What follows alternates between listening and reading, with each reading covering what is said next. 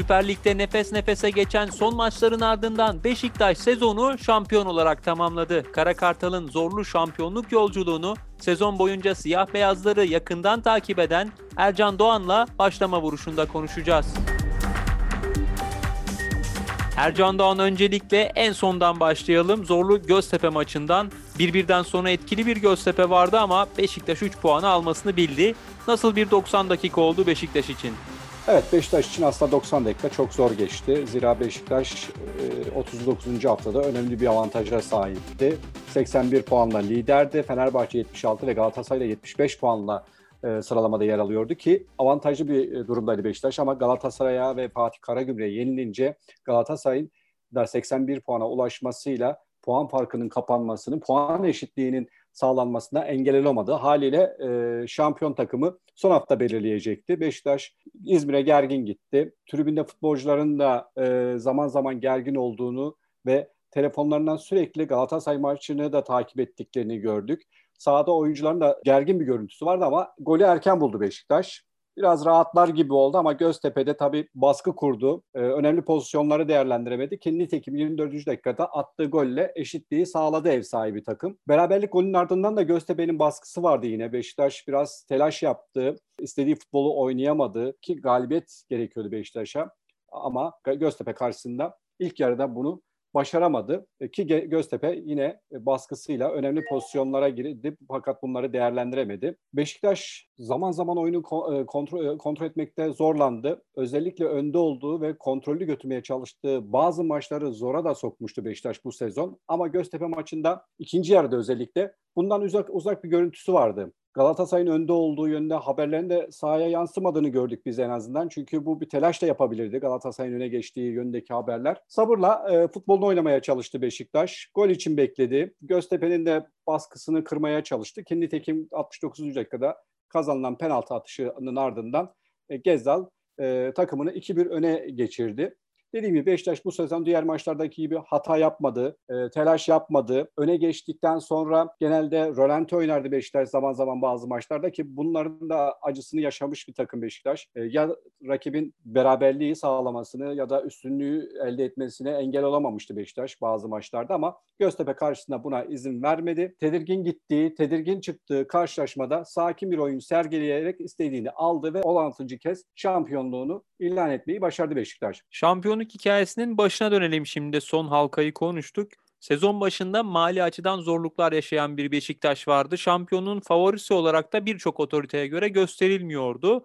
Nasıl bir kadro mühendisliği yapıldı Beşiktaş'ta? Evet, Beşiktaş'ta soru işaretleri çoktu sezon başında. Çalkantılı bir dönem yaşadı Beşiktaş sezon başında.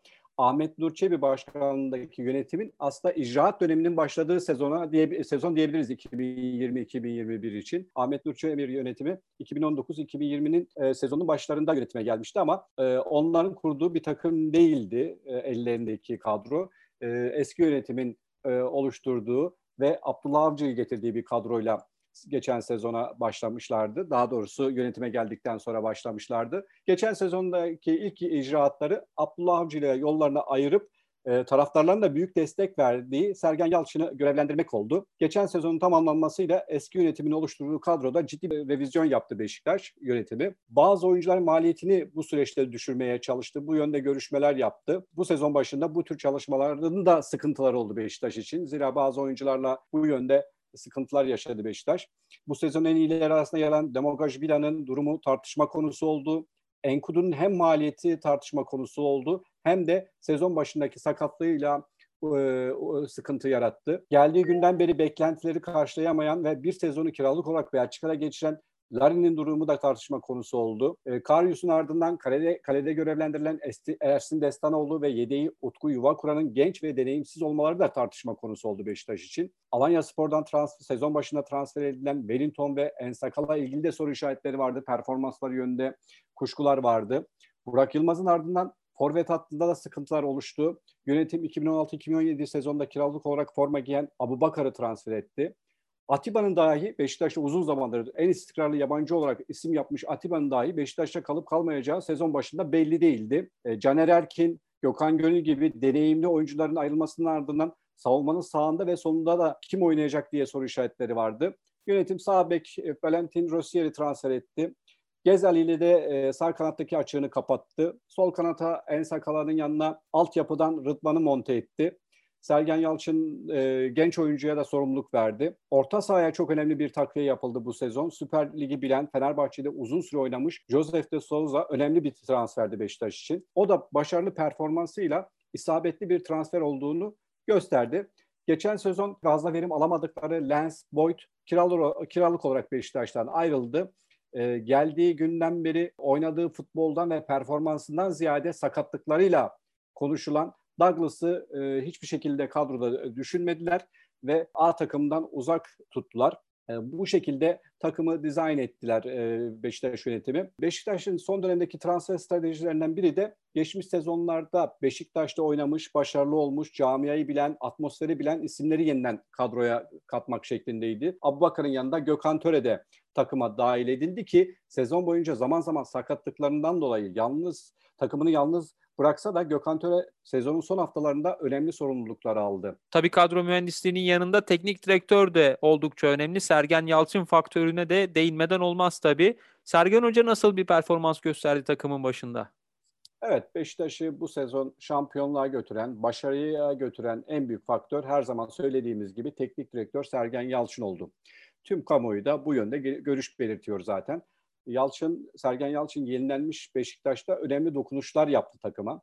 Takımın dire, direncini artırdı, oyuna hakimiyeti yükseltti. Geçmiş yıllarda düşüşe geçen veya beklentileri karşılayamayan oyuncuları kazandı. Oğuzhan, Larin e, gibi oyunculara güven aşıladı. Kalede genç isimlerin yer almasına rağmen onlara da güven aşıladı. Sezon başında Wellington ve Ensakala'nın performansı eleştiriliyordu. Bu konuda geri, geri adım atmadı her oyuncusuna sahip çıktı. Morallerinin ve motivasyonlarının düşüş, düşüşüne engel oldu. Taktik açıdan önemli işler yaptı. Gezalı hücumda etkili kullandı.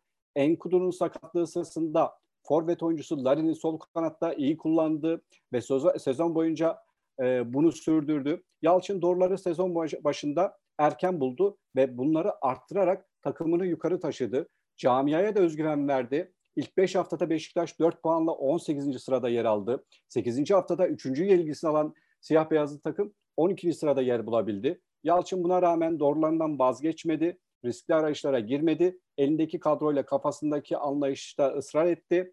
Gaziantep yenilgisinin ardından da 13 maçta 11 galibiyet, birer beraberlik ve yenilgiyle ilk yarıyı lider bitirmeyi bildi Beşiktaş. Beşiktaş için kolay bir sezon olmadı. E, lig tarihinin en rekabetçi döneminde Beşiktaş şampiyonluğunu ilan etti. Genelde e, şampiyonluk mücadelesi iki takımla yapılırdı.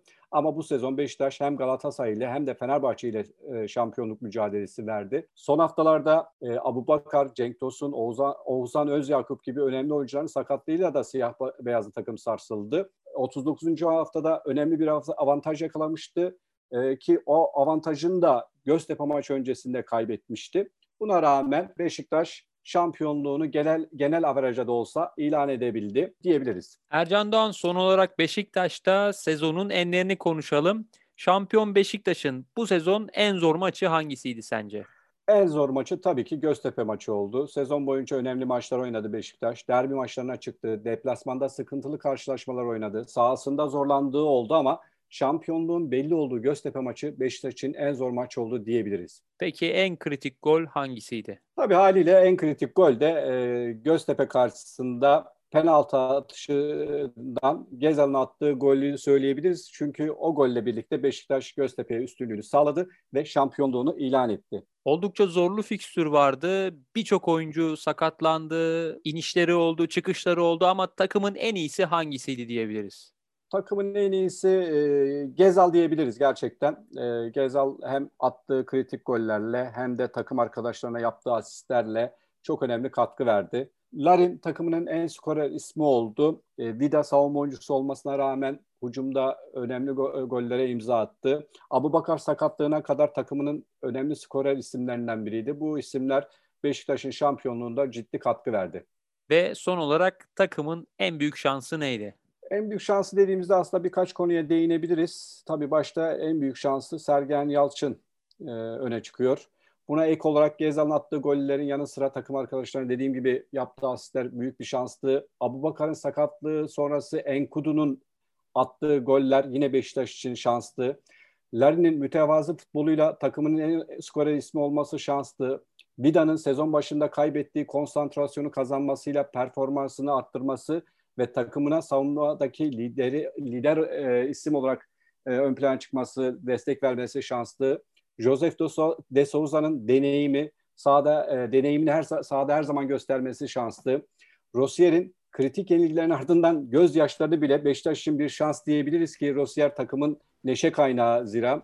E, hemen hemen her antrenmanda bu görüntüler paylaşılıyor Rossier'le ilgili, takım arkadaşlarının yaptığı şakalarla ilgili ki maçlar sırasında, yenilgiler sırasında sahada kalıp gözyaşı dökmesi büyük ihtimal Beşiktaş'ta ve taraftarlarda, futbolcularda e, olumlu etkide bulunmuştur.